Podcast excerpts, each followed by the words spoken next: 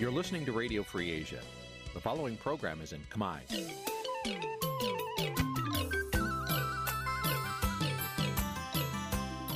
នេះជាកម្មវិធីផ្សាយ Vuthu Azizi Serai នេះជាកម្មវិធីផ្សាយរបស់ Vuthu Azizi Serai ជាភាសាខ្មែរ Vuthu Azizi Serai សូមស្វាគមន៍លោកអ្នកនាងទាំងអស់ពីរដ្ឋធានី Washington នៃសហរដ្ឋអាមេរិក ពីរដ្ឋធានី Washington នាងខ្ញុំសុជីវីសូមជម្រាបសួរលោកអ្នកនាងអ្នកស្ដាប់ Vuthu Azizi Serai ទាំងអស់ជាទីមេត្រី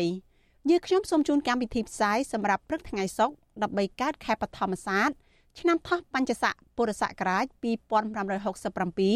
ត្រូវនៅថ្ងៃទី30ខែមិថុនាគ្រិស្តសករាជ2023ជាដំបូងនេះសូមអញ្ជើញលោកអ្នកនាងស្ដាប់ព័ត៌មានប្រចាំថ្ងៃដែលមានមេត្តាដូចតទៅ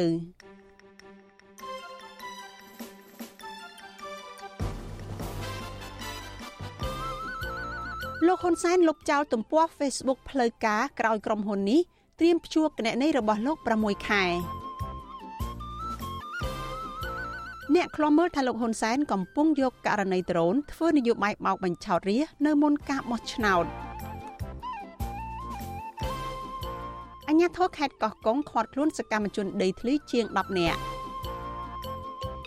ពលរដ្ឋរស់នៅតំបន់រុនតាឯកខេត្តសៀមរាបត្អូញរឿងទឹកលិចផ្ទះក្រោយភ្លៀងខ្លាំង រួមនឹងព័ត៌មានសំខាន់សំខាន់មួយចំនួនទៀតចាត់ជាបន្តទៅទៀតនេះនាងខ្ញុំសុជីវីសូមជូនព័ត៌មានទាំងនេះពិស្ដាលោកអ្នកនាងជាទីមេត្រីលោកនាយរដ្ឋមន្ត្រីហ៊ុនសែនបានលុបចោលទំព័រ Facebook ផ្លូវការរបស់លោក ដែលមានអ្នកគាំទ្រជាង14លានអ្នកជាស្ថាពរការលុបចោល Facebook ផ្លូវការយ៉ាងតក់ក្រហល់នេះទំនងជាលោកហ៊ុនសែនធ្វើឡើងដើម្បីបញ្ជាការអាម៉ាស់ក្រោយលោកចាញ់ក្តី ហើយត្រូវក្រុមប្រឹក្សាភិបាលត្រួតពិនិត្យខ្លឹមសារអនឡាញរបស់ក្រុមហ៊ុនមេតាសម្រាប់ឲ្យក្រុមហ៊ុននេះពិចារណាព្យួរគណនី Facebook និង Instagram របស់លោកហ៊ុនសែន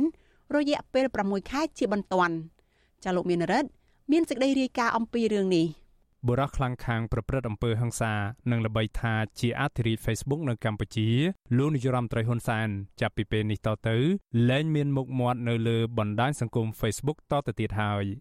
ដោយមិនក្លាហានហ៊ានទទួលយកការពិតនិងទំនងជាបញ្ជាទុកជាមុននៅភាពអាម៉ាស់ដែលលោកចាញ់ក្តីហើយគណនី Facebook និង Instagram របស់លោកត្រូវបានក្រុមប្រឹក្សាភិបាលត្រួតពិនិត្យខ្លឹមសារឬ Oversight Board របស់ក្រុមហ៊ុន Meta បញ្ជាឲ្យក្រុមហ៊ុននេះពិចារណាព្យួររយៈពេល6ខែជាបន្ទាន់និងលុបចោលនៅវីដេអូដែលបង្កប់ទៅដោយអំពើហិង្សានយោបាយរបស់លោកចេញ លោកហ៊ុនសានបានប្រកាសយ៉ាងតក់ក្រហល់នៅលើបណ្ដាញសង្គម Telegram របស់លោកថាលោកសម្រេចបញ្ឈប់ជាស្ថាពរពីការប្រើប្រាស់ Facebook ដែលមានអ្នកចូលរួមជាង14លាននាក់លោកស្នើឲ្យជំនួយការរបស់លោកលុបចោលគណនី Facebook របស់លោកភ្លាមនិងប្រាប់ទៅក្រុមហ៊ុន Facebook ឲ្យលុបឈ្មោះរបស់លោកចេញពីបញ្ជីរបស់ក្រុមហ៊ុន Facebook នេះ លោកហ៊ុនសានផ្ដល់អំណះអំណាងថាលោកធ្វើដូច្នេះដោយសារកន្លងមកមានការក្លែងបន្លំគណនី Facebook របស់លោករហូតដល់ទៅជាង20ដែលធ្វើឲ្យមានការភ័ន្តច្រឡំពីអ្នកប្រើប្រាស់ Facebook ដូចគ្នាទោះជាយ៉ាងណាអំណះអំណាងរបស់លោកហ៊ុនសានបែបនេះទំនងជាលោកចង់លួងចិត្តខ្លួនឯងនិងពិបាកឲ្យគេជឿ ខណៈការពិតនៅពីក្រោយរឿងនេះគឺកណនី Facebook និង Instagram របស់លោកកំពុងប្រឈមទៅនឹងការព្យួរពីសំណាក់ក្រុមហ៊ុនមេរបស់ក្រុមហ៊ុនទាំងពីរនេះគឺក្រុមហ៊ុន Meta រយៈពេល6ខែដោយសារតែមេដឹកនាំរូបនេះពូកែនិងមិនញញើតខាងបញ្ចេញសារបង្កប់ទៅដោយអំពើហិង្សាផ្នែកនយោបាយដូចជាស្ដាយមិនបានសម្លាប់ពលរដ្ឋខ្មែរគ្នាឯងជាដើម យោងតាមសេចក្តីសម្រេចរបស់ក្រុមប្រឹក្សាភិបាលត្រួតពិនិត្យខ្លឹមសារអនឡាញរបស់ក្រុមហ៊ុន Meta ដែល Visual Asia ស្រីទទួលបាន កាលពីថ្ងៃទី29ខែមិថុនាក្រុមប្រឹក្សាភិបាលត្រួតពិនិត្យខ្លឹមសារអនឡាញនេះបានសម្រេចបិទផ្លូវតវ៉ាទាត់ចោលសេចក្តីសម្រេចពីមុនរបស់ក្រុមហ៊ុន Meta ដែលបានរក្សាទុកវីដេអូរបស់លោកហ៊ុនសែនគំរាមកំហែងដោយហិង្សាទៅលើដៃគូប្រកួតប្រជែងនយោបាយរបស់លោក ក្រុមប្រឹក្សានេះផ្ដំណាមណាងថាដោយពិចារណាទៅលើភាពធ្ងន់ធ្ងរនៃការរំលោភបំពានប្រវត្តិរបស់លោកហ៊ុនសាន ដែលធ្លាប់ប្រព្រឹត្តការរំលោភបំពានសិទ្ធិមនុស្សនិងការបំផិតបំភ័យគូប្រជែងនយោបាយព្រមទាំងការប្រើប្រាស់ប្រព័ន្ធផ្សព្វផ្សាយសង្គមជាយុទ្ធសាស្ត្រដើម្បីផ្សព្វផ្សាយការគំរាមកំហែងបែបនេះក្រុមប្រឹក្សាភិបាលត្រួតពិនិត្យខ្លឹមសារអនឡាញរបស់ក្រុមហ៊ុនមេតា អំពាវនាវដល់ក្រុមហ៊ុននេះឲ្យផ្អាកជាបន្ទាន់នៅទំព័រ Facebook និងគណនី Instagram របស់លោកហ៊ុនសែនរយៈពេល6ខែគិតត្រឹមម៉ោងជាង10យប់ថ្ងៃទី29ខែមិថុនាកណនីនឹងទំព័រ Facebook ផ្លូវការរបស់លោកហ៊ុនសានលែងមានវត្តមាននៅលើទំព័រ Facebook ទៀតហើយ ជំនួយការផ្ទាល់របស់លោកហ៊ុនសានដែលគេដឹងថាជាអ្នកគ្រប់គ្រងទំព័រ Facebook ផ្លូវការរបស់លោកហ៊ុនសាន និងជារដ្ឋលេខាធិការនៃទីស្តីការគណៈរដ្ឋមន្ត្រីលោកដួងតារាបញ្ជាក់នៅលើទំព័រ Facebook របស់លោកថាលោកហ៊ុនសានឈប់ប្រើប្រាស់ Facebook របស់លោកទៀតហើយក៏ប៉ុន្តែលោកងាកទៅប្រើបណ្ដាញសង្គម Telegram, TikTok, YouTube, Instagram, Twitter និងបណ្ដាញសង្គមដទៃទៀតទោះជាយ៉ាងណាគេនៅមិនទាន់ដឹងច្បាស់ថាតើលោកហ៊ុនសាន នឹងឈប់ប្រើ Facebook ជារៀងរហូតឬយ៉ាងណានោះទេ Visual C ស្រីនៅមិនទាន់អាចតាក់ទងแนะនាំពាក្យរដ្ឋាភិបាលលោកផៃស៊ីផានដើម្បីសូមអត្ថាធិប្បាយបន្ថែមជុំវិញរឿងនេះបាននៅឡើយទេគិតត្រឹមម៉ោងផ្សាយនេះ Visual C ស្រីក៏កំពុងព្យាយាមតាក់ទងក្រុមហ៊ុន Meta ដើម្បីសុំការបញ្ជាក់ថាតើក្រុមហ៊ុននេះនឹងអនុវត្តបំរាមមិនឲ្យលោកហ៊ុនសានប្រើប្រាស់ Facebook និង Instagram នេះចាប់ពីពេលណាតទៅ ក៏ប៉ុន្តែយោងតាមការចុះផ្សាយរបស់កាសែតអាមេរិក The Washington Post ផ្សាយកាលពីថ្ងៃទី29ខែមិថុនាឲ្យដឹងថាការសម្រេចរបស់ក្រុមប្រឹក្សាភិបាលត្រួតពិនិត្យខ្លឹមសាររបស់ក្រុមហ៊ុន Meta ដាក់បំរាមមិនឲ្យលោកហ៊ុនសានប្រើប្រាស់ Facebook និង Instagram រយៈពេល6ខែនេះគឺមិនចងកាតព្វកិច្ចឡើយ ទោះជាយ៉ាងណាក្រុមហ៊ុននេះត្រូវតែលុបចោលនៅវីដេអូរបស់លោកហ៊ុនសានដែលមានបង្កប់នៅសារញុះញង់ឲ្យមានអំពើហិង្សាផ្នែកនយោបាយដែលជាប់នៅក្នុងបណ្ដឹងកាលពីពេលមុនចេញពីទំព័រ Facebook កាសែតដដែលនេះថាក្រុមហ៊ុនមេតាមានពេល60ថ្ងៃដើម្បីអនុវត្តសេចក្តីសម្រេចនេះនឹងត្រូវចេញផ្សាយនៅការឆ្លើយតបជាសាធារណៈមួយក្នុងរយៈពេលដូចគ្នានៅមុនការសម្រេចឈប់ប្រើនិងលុបគណនី Facebook ផ្លូវការនេះ លោកហ៊ុនសានកាលពីថ្ងៃទី29ខែមិថុនាបានជូនដំណឹងនៅលើទំព័រ Facebook របស់លោកអំពីការចាប់ផ្ដើមប្រើប្រាស់បណ្ដាញទំនាក់ទំនងសង្គម TikTok របស់ចិនជាផ្លូវការកាលពីថ្ងៃទី28ខែមិថុនាលោកហ៊ុនសានក៏បានប្រកាសនៅលើទំព័រ Telegram របស់លោកដែរថាចាប់ពីពេលនេះតទៅលោកផ្អាកប្រើ Facebook រាប់ទាំងការផ្សាយផ្ទាល់ផង ដើម្បីឲ្យអ្នកទទួលបានព័ត៌មានពីលោកមកទទួលព័ត៌មានតាម Telegram, YouTube និង Instagram វិញ លោកអះអាងថាបណ្ដាញ Telegram របស់លោកមានប្រសិទ្ធភាពជាង Facebook ខណៈមានអ្នកគាំទ្រជាង85ម៉ឺននាក់លោកហ៊ុនសានក៏បានអះអាងដែរថាលោកធ្វើដូច្នេះគឺដើម្បីងាយស្រួលតាក់ទងជាមួយប្រជាជននៅប្រទេសមួយចំនួនដែលមិនអនុញ្ញាតឲ្យប្រើប្រាស់ Facebook នៅមុនពេលលុបចោលគណនី Facebook របស់លោកទំព័រ Facebook របស់លោកហ៊ុនសាន មានអ្នកគាំទ្រជាង14លាននាក់ រីឯទំព័រ Instagram របស់លោកវិញ មានអ្នកតាមដានជាង160,000នាក់ការសម្រេចរបស់ក្រុមប្រឹក្សាភិបាលត្រួតពិនិត្យខ្លឹមសារអនឡាញរបស់ក្រុមហ៊ុន Meta នេះធ្វើឡើងបន្ទាប់ពីមានបណ្ដឹងមួយកាលពីចុងខែមីនារបស់គណៈកម្មការអ្នកច្បាប់អន្តរជាតិហៅកាត់ថា ICJ ដែលមានមូលដ្ឋាននៅទីក្រុងហ្សឺណែវប្រទេសស្វីសអង្គការនេះស្នើឲ្យក្រុមហ៊ុន Meta ហាម5មិនឲ្យមានការផ្សព្វផ្សាយនៅរាល់ខ្លឹមសារញុះញង់ឲ្យមានការប្រព្រឹត្តអំពើហិង្សា ការរើសអើងឬបង្កភាពជាសត្រូវនៅលើបណ្ដាញសង្គមអង្គការដដែលនេះស្នើឲ្យត្រួតពិនិត្យសាររបស់លោកនាយរដ្ឋមន្ត្រីហ៊ុនសានដែលបានគំរាមកំហែងអ្នកនយោបាយបពប្រឆាំងដោយប្រើប្រាស់ពាក្យអសុរោះមានលក្ខណៈហិង្សានិងជេរប្រមាថដែលបានប្រមានទៅក្រុមអ្នកប្រឆាំងកាលពីថ្ងៃទី9ខែមករាកន្លងទៅ កាលនោះលោកហ៊ុនសានបានប្រមានថាលោកនឹងឆ្លើយតបទៅនឹងការចោទប្រកាន់ទាំងឡាយណាដែលថាគណៈបកប្រជាជនកម្ពុជារបស់លោកលួចបន្លំស្លឹកឆ្នោតដោយលោកអំពីវនាវឲ្យដៃគូប្រជែងរបស់លោកជ្រើសរើសរវាងប្រព័ន្ធផ្លូវច្បាប់និងដំបងក្នុងសារដដែលនោះលោកហ៊ុនសែនបន្តថាលោកនឹងប្រមូលផ្ដុំមនុស្សរបស់គណៈបកប្រជាជនកម្ពុជា ដើម្បីតវ៉ានិងវាយទាត់ធាក់អ្នកទាំងនោះព្រមទាំងបញ្ជូនក្មេងទំនើងទៅផ្ទះរបស់ពួកគេផង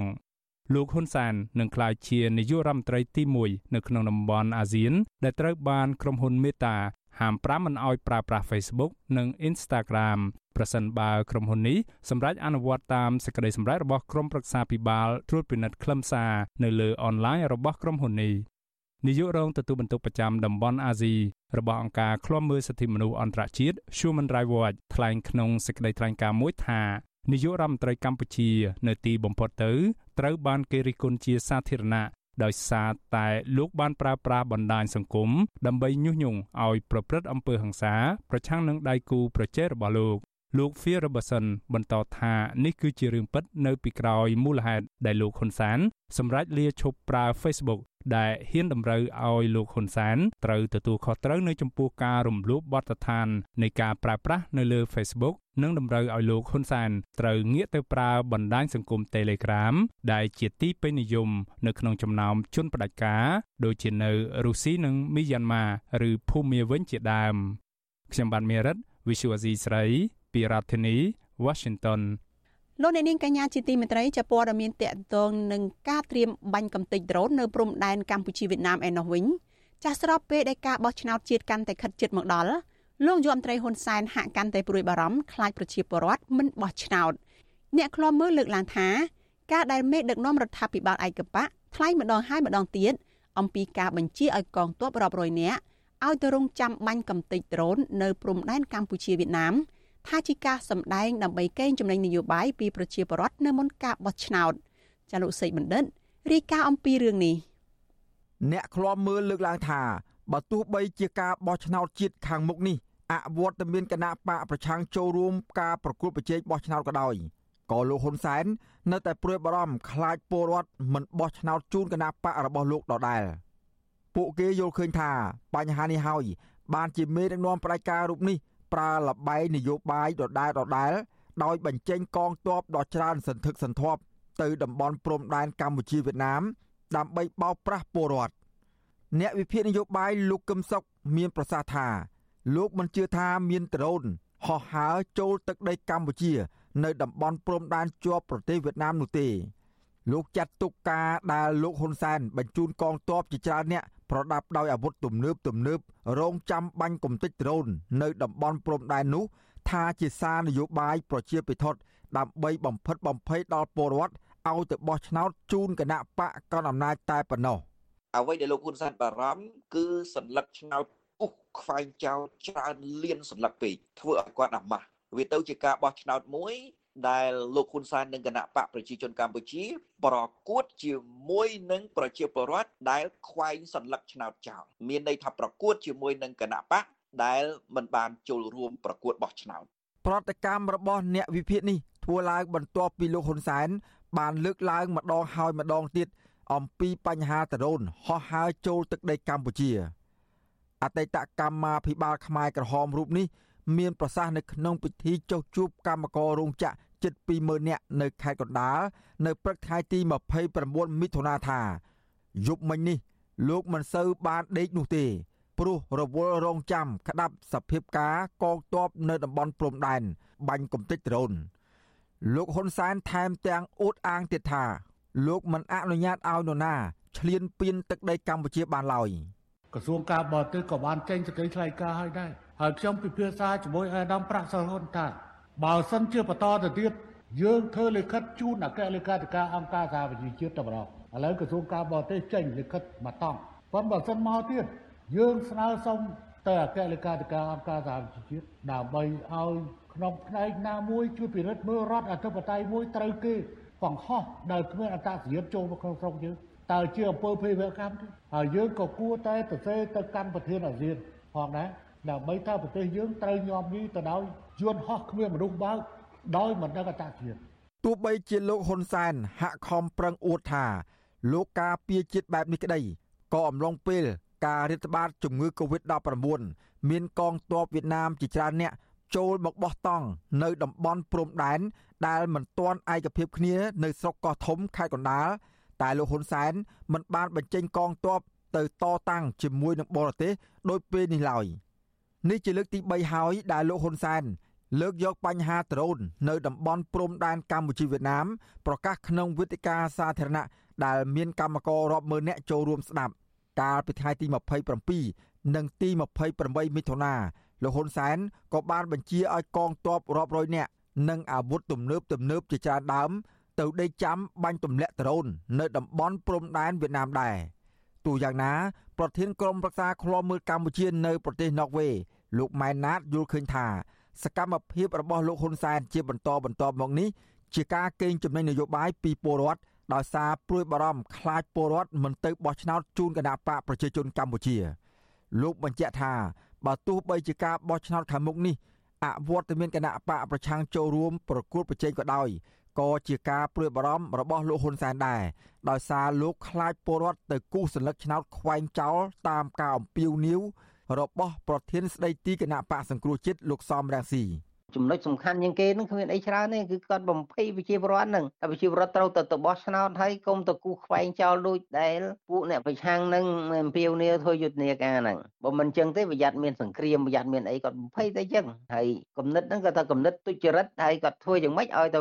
បានជាប្រយោជន៍ផ្ទាល់ខ្លួនដល់គាត់ដល់ក្រុមគ្រួសារគាត់តែប៉ុណ្្នឹងទេនេះមិនមែនជាលើកទី1ទេដែលមេដឹកនាំរដ្ឋាភិបាលឯកបៈរូបនេះបានប្រើកម្លាំងកងទ័ពកំញើញដល់ពលរដ្ឋ នៅមុនការបោះឆ្នោតជាតិនោះ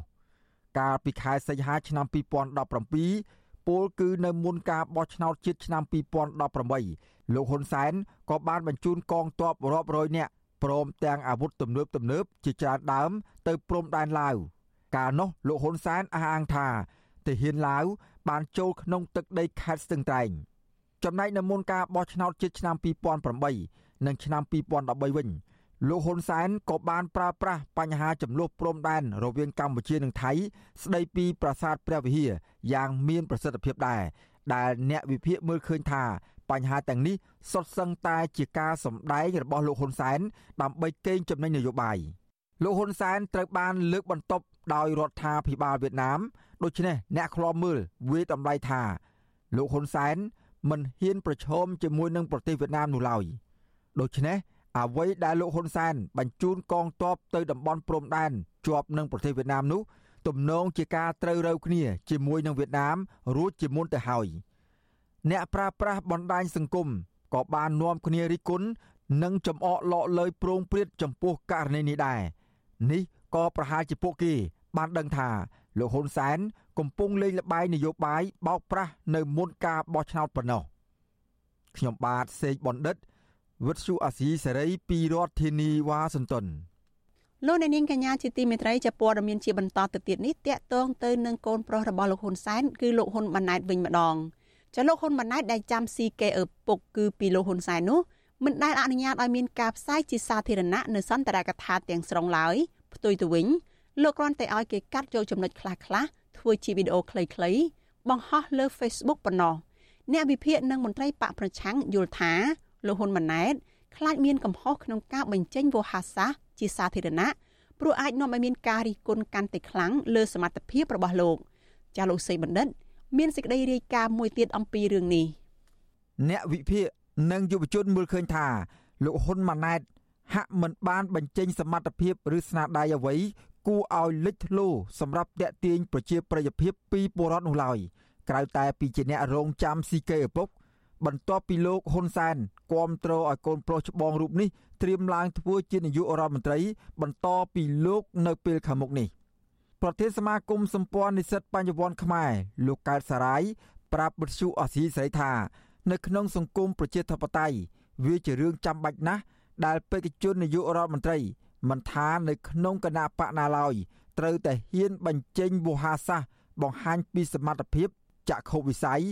និងគោលគំនិតផ្ទាល់ខ្លួន ក្នុងភាពជាអ្នកដឹកនាំនាពេលអនាគតលោកបន្តថាក្នុងនាមជាអ្នកនយោបាយដែលមានសមត្ថភាពពិតប្រាកដមិនត្រូវរីករាយក្នុងការទទួលយកអ្វីមួយ ដែលខ្លួនមិនបានខិតខំប្រឹងប្រែងនោះទេគេថាមនុស្សដែលមានសមត្ថភាពពិតប្រាកដគឺអត់ចូលចិត្តរបស់ដែលគេឲ្យទេមនុស្សដែលមានសមត្ថភាពពិតប្រាកដគឺចូលចិត្តបង្កើតនៅស្នាដៃដោយខ្លួនឯងបង្កើតនៅសមត្ថផលមួយដោយខ្លួនឯង ដូច្នេះចង់មិនចង់ការដែលធ្វើឲ្យមានវេទិកាជជែកដេញដោលអំពីគោលនយោបាយនិងយន្តការហើយជាពិសេសការបង្ហាញឲ្យឲ្យឃើញនៅសមត្ថភាពពិតនិងលទ្ធភាពរបស់បេក្ខភាពនេះខ្ញុំមិននិយាយចំពោះតែគណៈបកកណ្ដាលអំណាចឬក៏អនាគតនាយករដ្ឋមន្ត្រីទេសំបីគណៈបកផ្សេងផ្សេងទៀតដែលមានមេដឹកនាំនឹងក៏ស្រូវតែបង្ហាញសមត្ថភាពនិងលទ្ធភាពទាំងអស់នឹងដែរការលើកឡើងរបស់លោកកើតសារាយនាពេលនេះ ធ្វើឡើងដោយសារតែលោកហ៊ុនម៉ាណែត នៅពេលឡើងថ្លែងសន្ទរកថាម្ដងម្ដង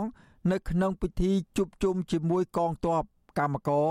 សិស្សនិស្សិតឬពលរដ្ឋគឺមិនដែលមានផ្សព្វផ្សាយជាសាធារណៈនៅការថ្លែងសន្ទរកថាទាំងស្រុងឡើយផ្ទុយទៅវិញគ្រាន់តែឲ្យគេកាត់យកចំណុចសំខាន់សំខាន់ធ្វើជាវីដេអូខ្លីៗបង្ហោះផ្សព្វផ្សាយតាម Facebook ប៉ុណ្ណោះចំណែកអ្នកវិភាគនយោបាយលោកកឹមសុខលើកឡើងដែរថា អ្នកនយោបាយដែលមានសមត្ថភាពពិតប្រាកដហ៊ានតទល់ជាមួយនឹងគូប្រជែងនយោបាយតាមបែបលទ្ធិប្រជាធិបតេយ្យសេរីពហុបកនិងហ៊ានធ្វើវិធីការជាមួយនឹងពលរដ្ឋជាសាធារណៈដើម្បីបង្ហាញគោលនយោបាយជាតិរបស់ខ្លួន ពាក់ព័ន្ធនឹងការដោះស្រាយបញ្ហាប្រឈមនានា នៅក្នុងវិស័យកសិកម្មសុខាភិបាល សេដ្ឋកិច្ចការងារនិងវិស័យអប់រំជាដើមលោកកឹមសុខមើលឃើញថាលោកហ៊ុនម៉ាណែត បានត្រឹមតែឡើងនិយាយតែម្នាក់ឯងនៅលើវេទិកាហើយមិនហ៊ានយកសន្ទរកថាទាំងស្រុងទៅផ្សព្វផ្សាយជាសាធារណៈលើបណ្ដាញសង្គមនោះឡើយអ្នកវិភាគនយោបាយរូបនេះបន្ថែមថា សារខ្លីៗរបស់លោកហ៊ុនម៉ាណែតដែលគេយកទៅកាត់តយ៉ាងសម្រិតសម្រាំងធ្វើជាវីដេអូខ្លីៗនោះគ្រាន់តែជាសារបែបចំអកនិងគំរាមកំហែងអ្នកមានមតិផ្ទុយដោយទៅនឹងសាររបស់លោកហ៊ុនសែនជាឪពុកដែរ លោកកឹមសុខចាត់ទុកសារខ្លីៗរបស់លោកហ៊ុនម៉ាណែតថាជានយោបាយបោកប្រាស់ដូចទៅនឹងការផ្សព្វផ្សាយពាណិជ្ជកម្មស្រា ដែលគេជ្រើសរើសតែចំណុចណាមួយ ធ្វើឲ្យអតិថិជនរំភើបនិងចាប់អារម្មណ៍ប៉ុន្តែគេមិនដែលផ្សព្វផ្សាយថាផឹកស្រានាំឲ្យខូចសុខភាពនោះទេ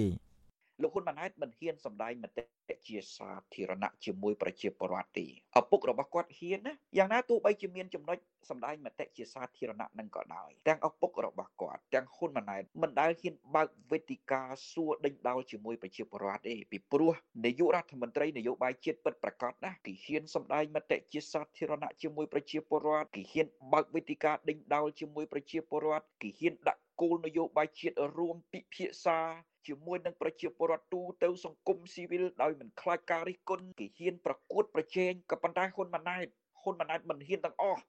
លោកកឹមសុខយល់ឃើញទៀតថាមូលហេតុលោកហ៊ុនម៉ាណែតមិនហ៊ានឲ្យគេផ្សព្វផ្សាយសន្ទរកថារបស់ខ្លួនទាំងស្រុងអាចដោយសារគ្មានសមត្ថភាពបង្ហាញគោលនយោបាយដឹកនាំប្រទេសឬអាចមានសមត្ថភាពខ្លះដែរប៉ុន្តែដោយសារខ្វះការប្រតិបត្តិនយោបាយតាមបែបសេរីនិយម និងដោយសារខ្លួនត្រូវដើរតាមបន្ទាត់កុម្មុយនីសក្នុងការទទួលបានអំណាចជុំវិញការលើកឡើងបែបនេះវិទ្យុអសីសេរីនៅពុំទាន់អាចសុំការបកស្រាយពីមេបញ្ជាការកងទ័ពជើងគោក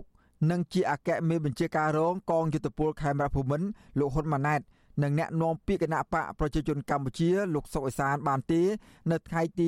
29មិថុនាកន្លងមកទំព័រ Facebook លោកហ៊ុនម៉ាណែតធ្លាប់បង្ហោះវីដេអូខ្លីៗ វាយប្រហារស្ថាបនិកអង្គការមេដាធម្មជាតិ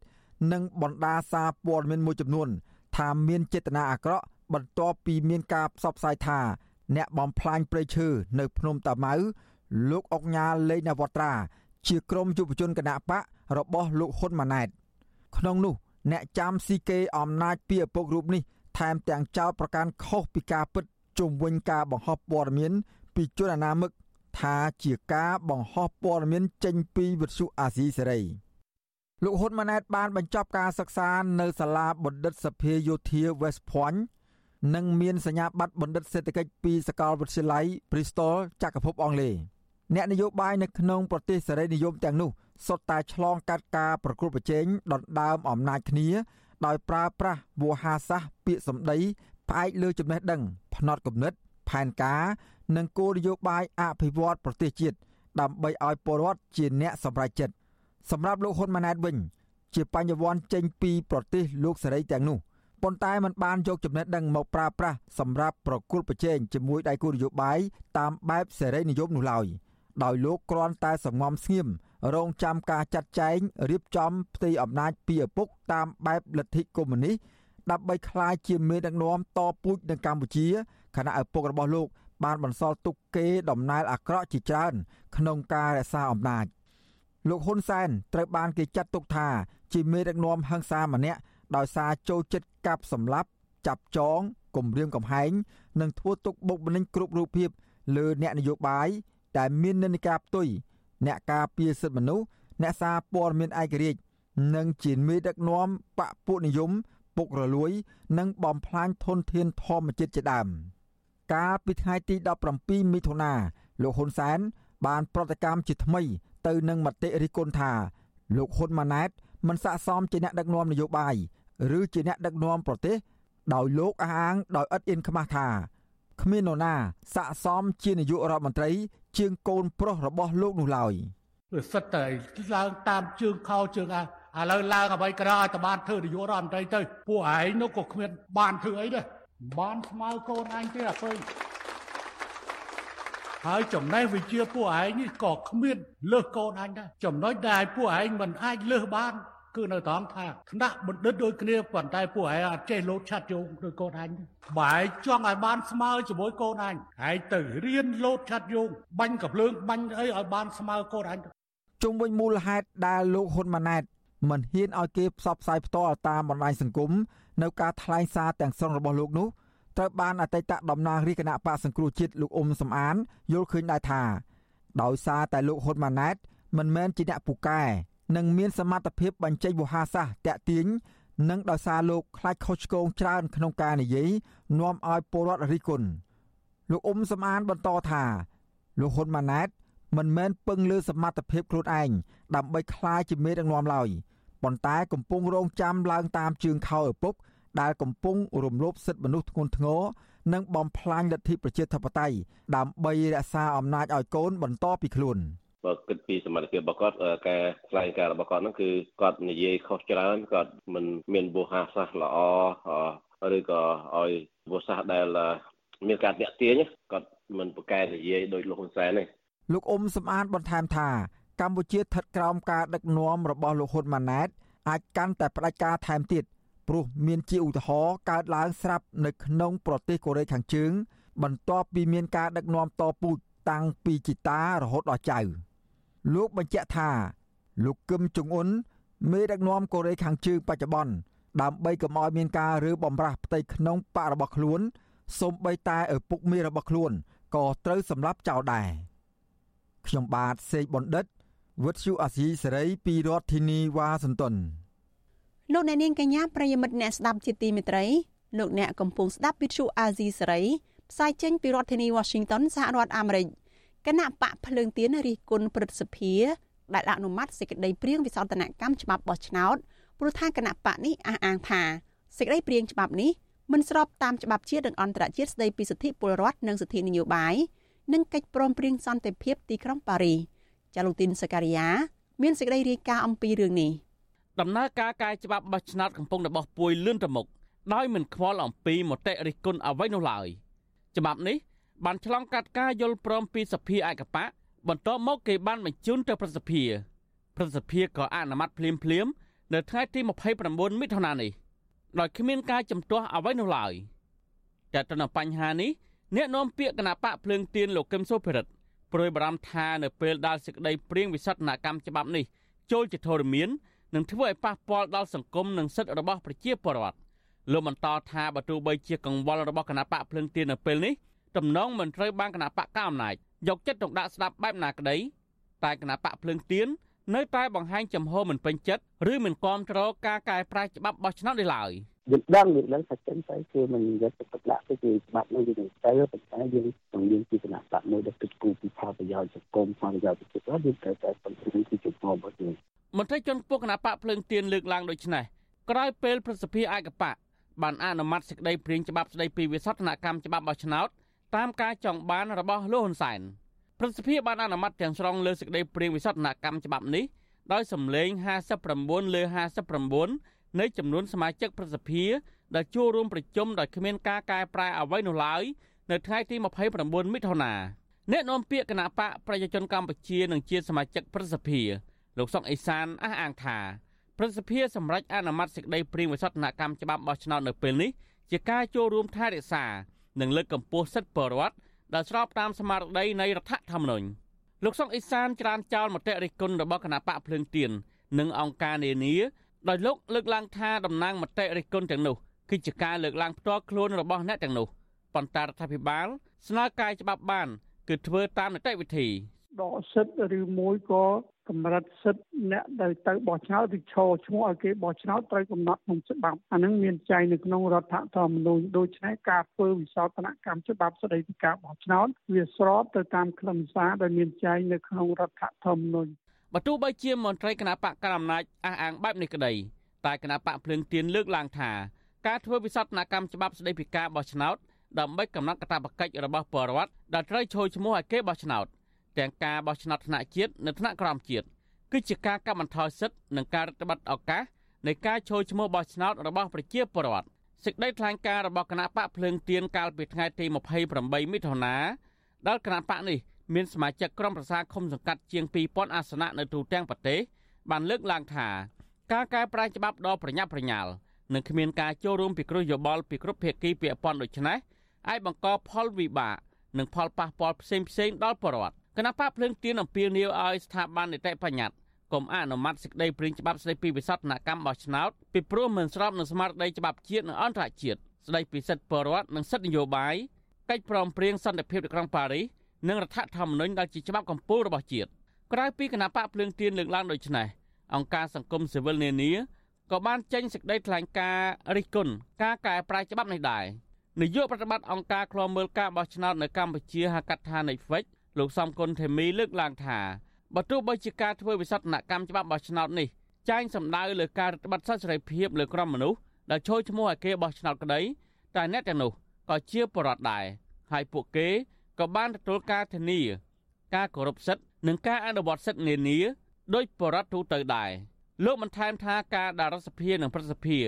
តែងតែអនុម័តច្បាប់តាមការចង់បានរបស់រដ្ឋាភិបាលដោយគ្មានការជំទាស់បែបនេះពីព្រោះស្ថាប័នទាំងនោះគ្រប់គ្រងដោយគណៈបក ច្បាប់រដ្ឋធម្មនុញ្ញនិយាយឲ្យពលរដ្ឋមានសិទ្ធិបោះឆ្នោតណាសិទ្ធិបោះឆ្នោតអាស្រ័យលើពលរដ្ឋទេមិនមែនជាគណៈបកទេដូចជាឈើឈ្មោះធ្វើបេក្ខជនគណៈបកនយោបាយគឺសិទ្ធិពលរដ្ឋដែរណាសិទ្ធិនយោបាយទេណាដូច្នេះអាហ្នឹងហើយរដ្ឋធម្មនុញ្ញបើកទលាយជាងចង់និយាយណាបាទហ្នឹងហើយបើកទលាយចឹងហើយបានវាឲ្យទលំទលាយចឹងបានពលរដ្ឋមានសិទ្ធិគ្រប់គ្រាន់ហើយពលរដ្ឋដែលចង់ឈើឈ្មោះគេបោះឆ្នោតក៏មានសិទ្ធិគ្រប់គ្រាន់ដែរណា សេចក្តីព្រាងច្បាប់ស្តីពីវិសោធនកម្មច្បាប់បោះឆ្នោតមាន8មាត្រា បានចែងដាក់ទោសទណ្ឌនិងពិន័យជាប្រាក់លើបរដ្ឋឬគណៈបកនយោបាយណា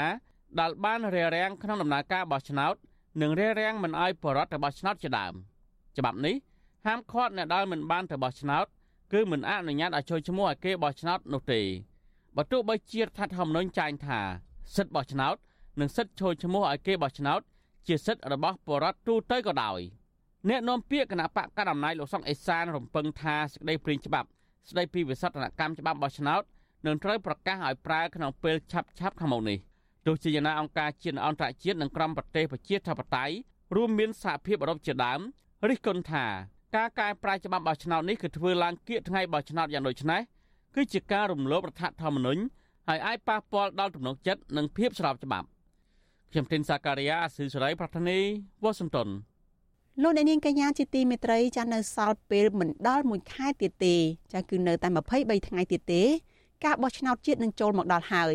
ចាពេលចូលទៅគូសសញ្ញាឆ្នោតគ្មាននរណាម្នាក់ដឹងថាលោកអ្នកនាងបោះឆ្នោតឲ្យគណៈបកណានោះឡើយម្យ៉ាងទៀតការបោះឆ្នោតជាសិទ្ធិនៅក្នុងការសម្រេចចិត្តរបស់លោកអ្នកតែម្នាក់ឯងគត់គ្មាននរណាឬអាជ្ញាធរណា អាចបង្ខិតបង្ខំលោកអ្នកបាននោះទេអាស៊ីសេរី លោកអ្នកនាងជាទីមេត្រីចាអង្គការសង្គមស៊ីវិលជាតិនិងអន្តរជាតិចំនួន4ស្ថាប័នស្នើសុំរដ្ឋាភិបាលកម្ពុជានិងប្រទេសអ៊ីតាលីបញ្ឈប់ជាបន្ទាន់ក្នុងដំណើរការនីតិវិធីស្មុំកូនពីប្រទេសកម្ពុជាមន្ត្រីអង្គការសង្គមស៊ីវិលលើកឡើងថាការស្នើនេះគឺដើម្បីបញ្ជាការរំលោភបំពានសិទ្ធិកុមារអង្គការការពារសិទ្ធិមនុស្សលីកាដូមជ្ឈមណ្ឌលការពារសិទ្ធិមនុស្សសមាគមការពារសិទ្ធិមនុស្សអាត6 រួមជាមួយអង្គការបរទេសឈ្មោះថាសម្លេងការស្មុំកូនអន្តរជាតិបានចេញសេចក្តីថ្លែងការណ៍រួមគ្នាមួយកាលពីថ្ងៃទី28ខែមិថុនាស្នើសុំឲ្យរដ្ឋាភិបាលកម្ពុជា និងប្រទេសអ៊ីតាលីបញ្ឈប់ជាបន្ទាន់ការបើកដំណើរការឡើងវិញនីតិវិធីស្មុំកូនពីកម្ពុជាទៅអ៊ីតាលីក្រុមអង្គការទាំងនេះលើកឡើងនៅក្នុងសេចក្តីថ្លែងការណ៍ថារដ្ឋាភិបាលកម្ពុជា គួរបំពេញតួនាទីលើកកម្ពស់ការថែទាំសុខុមាលភាពកុមារ ឲ្យទទួលបានការលូតលាស់ប្រកបដោយគុណភាពនៅក្នុងប្រទេសជាជាងផ្ដល់ការអនុញ្ញាតឲ្យមានការស្មុំកូនទៅក្រៅប្រទេសដែលអាចធ្វើឲ្យកុមារដែលត្រូវបានគេស្មុំត្រូវរងការរំលោភបំពានសិទ្ធិ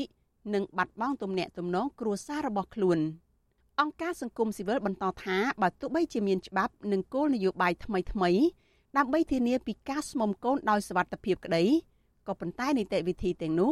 នៅតែមិនអាចលុបបំបាត់បញ្ហាក្លែងបន្លំឯកសារបដូរឈ្មោះថ្ងៃខែឆ្នាំកំណើត និងអំពើពុករលួយ នៅក្នុងដំណើរការស្មុំកូនបានឡើយក្រោយពីមានសេចក្តីរាយការណ៍ជាច្រើនអំពីអំពើខុសក្រមសីលធម៌និងរំលោភច្បាប់ស្តីពីការស្មុំកូន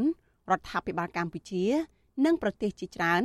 បានហាមឃាត់ការស្មុំកូនឆ្លងប្រទេស កាលពីឆ្នាំ2019ប៉ុន្តែនៅក្នុងខែឧសភាកន្លងទៅកម្ពុជានិងអ៊ីតាលី ចាប់ផ្ដើមបោះជំហានទៅរកការបើកឲ្យមានការស្មុំកូនពីកម្ពុជាឡើងវិញដោយគណៈកម្មការស្មុំកូនអន្តរប្រទេសអ៊ីតាលីបានបង្ហាញថាអញ្ញាធរកណ្ដាលស្មុំកូនអន្តរប្រទេសនៃក្រសួងសង្គមគិច្ចកម្ពុជាបានអនុញ្ញាតឲ្យភ្នាក់ងារស្មុំកូនអ៊ីតាលីចំនួន3ដំណើរការនៅក្នុងប្រទេសកម្ពុជា និងភ្នាក់ងារស្មុំកូនអ៊ីតាលីចំនួន3ទៀតកំពុងរងចាំទទួលការអនុញ្ញាតដំណើរការបន្ថែមពីនេះគណៈកម្មការស្មុំកូនអន្តរប្រទេសអ៊ីតាលីបានលើកឡើងថា នីតិវិធីស្មុំកូនចំនួន9កំពុងរងចាំការសម្រេចរបាយការណ៍របស់អង្គការការពារសិទ្ធិមនុស្សលីកាដូឆ្នាំ2018បង្ហាញថាចាប់ពីទសវត្សរ៍ឆ្នាំ1980ដល់ឆ្នាំ2009កុមារកម្ពុជាជាច្រើនពាន់នាក់ត្រូវគេសុំយកទៅចិញ្ចឹមនៅក្រៅប្រទេសទោះយ៉ាងណាកុមារទាំងនោះជាច្រើនអ្នកមិនមែនជាកុមារកំព្រានោះឡើយដោយសារតែពួកគេត្រូវបានឪពុកម្ដាយយកទៅដាក់មណ្ឌលកុមារកំព្រាព្រោះកត្តាជីវភាពក្រីក្រ វិទ្យុអាស៊ីសេរីមិនអាចតកតអ្នកនាំពាក្យក្រសួងសង្គមគិច្ចលោកតូចចាន់នីនិងអ្នកនាំពាក្យគណៈកម្មាធិការសិទ្ធិមនុស្សរបស់រដ្ឋាភិបាលលោកកតាអនដើម្បីបកស្រាយជុំវិញរឿងនេះបានទេ នៅថ្ងៃទី29ខែមិថុនាទោះជាយ៉ាងណាលោកតូចចាន់នីបានឆ្លើយតបនឹងសារព័ត៌មានកម្ពុជាថារដ្ឋាភិបាលកម្ពុជាបើកឲ្យដំណើរការស្មុំកូនឆ្លងប្រទេសឡើងវិញដោយសារតែកម្ពុជាបានធ្វើសេចក្តីព្រាងច្បាប់ដែលមានការគាំពៀគ្រប់គ្រាន់ ពេលបញ្ជូនកុមារទៅបរទេសលោកបញ្ជាក់ថាកម្ពុជាបានផ្អាកដំណើរការស្មុំកូនដោយសារតែមិនទាន់មានច្បាប់ស្មុំកូនប្រកបដោយប្រសិទ្ធភាពជុំវិញរឿងនេះនាយកទទួលបន្ទុកកិច្ចការទូតនៃអង្គការឃ្លាំមើលសិទ្ធិមនុស្សលីកាដូលោកអំសំអាតមានប្រសាសន៍ថាមូលហេតុដែលក្រុមអង្គការសង្គមស៊ីវិលស្នើសុំរដ្ឋាភិបាលបញ្ឈប់ការអនុញ្ញាតឲ្យមាននីតិវិធីស្មុំកូនឡើងវិញគឺដើម្បីធានាកុំឲ្យមានការរំលោភសិទ្ធិកុមារ តាមរយៈការស្មុំកូនអន្តរប្រទេសឡើងវិញលោកបន្ថែមថាដោយសារអំពើពុករលួយនិងការអនុវត្តច្បាប់នៅកម្ពុជា នៅតែមានភាពទន់ខ្សោយដូច្នេះបើទោះបីជាមាននីតិវិធីថ្មីថ្មីដើម្បីធានាការស្មុំកូនដោយសវត្ថិភាពប៉ុន្តែក្រុមអង្គការសង្គមស៊ីវិលនៅតែព្រួយបារម្ភចំពោះការក្លែងបន្លំឯកសារនៅក្នុងដំណើរការស្មុំកូនវិទ្យុអាស៊ីសេរីមិនអាចសុំការបកស្រាយពីអគ្គកុងស៊ុលអ៊ីតាលីប្រចាំនៅប្រទេសកម្ពុជាបាននៅឡើយទេ គិតត្រឹមថ្ងៃទី29ខែមិថុនាអង្គការសង្គមស៊ីវិលជាតិនិងអន្តរជាតិលើកឡើងថារដ្ឋាភិបាលកម្ពុជាមិនត្រូវអនុញ្ញាតឲ្យមានការស្មុំកូនអន្តរប្រទេសឡើងវិញទេដើម្បីបញ្ជាការរំលោភសិទ្ធិកុមារនិងការរស់នៅឃ្លាតឆ្ងាយពីគ្រួសារកំណើតក្រុមអង្គការសង្គមស៊ីវិលជំរុញរដ្ឋាភិបាលលើកកម្ពស់ការថែទាំនិងផ្តល់ការអប់រំទៅដល់កុមារតាមគ្រួសារនិងសហគមន៍ជាជាងអនុញ្ញាតឲ្យកុមារទៅរស់នៅជាមួយឪពុកម្ដាយថ្មី និងគ្មានវិធានការតាមដានដោយមានប្រសិទ្ធភាព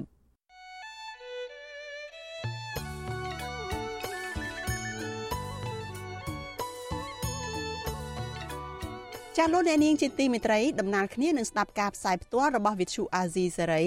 តាមរយៈបណ្ដាញសង្គម Facebook និង YouTube នេះលោកអ្នកនាងក៏អាចស្ដាប់ការផ្សាយរបស់យើងនៅលើ Vithu រលកធាតុអាកាសខ្លីតាមកម្រិតនិងកម្ពស់ដូចតទៅនេះ។ ពេលព្រឹកចាប់ពីម៉ោង5កន្លះដល់ម៉ោង6កន្លះ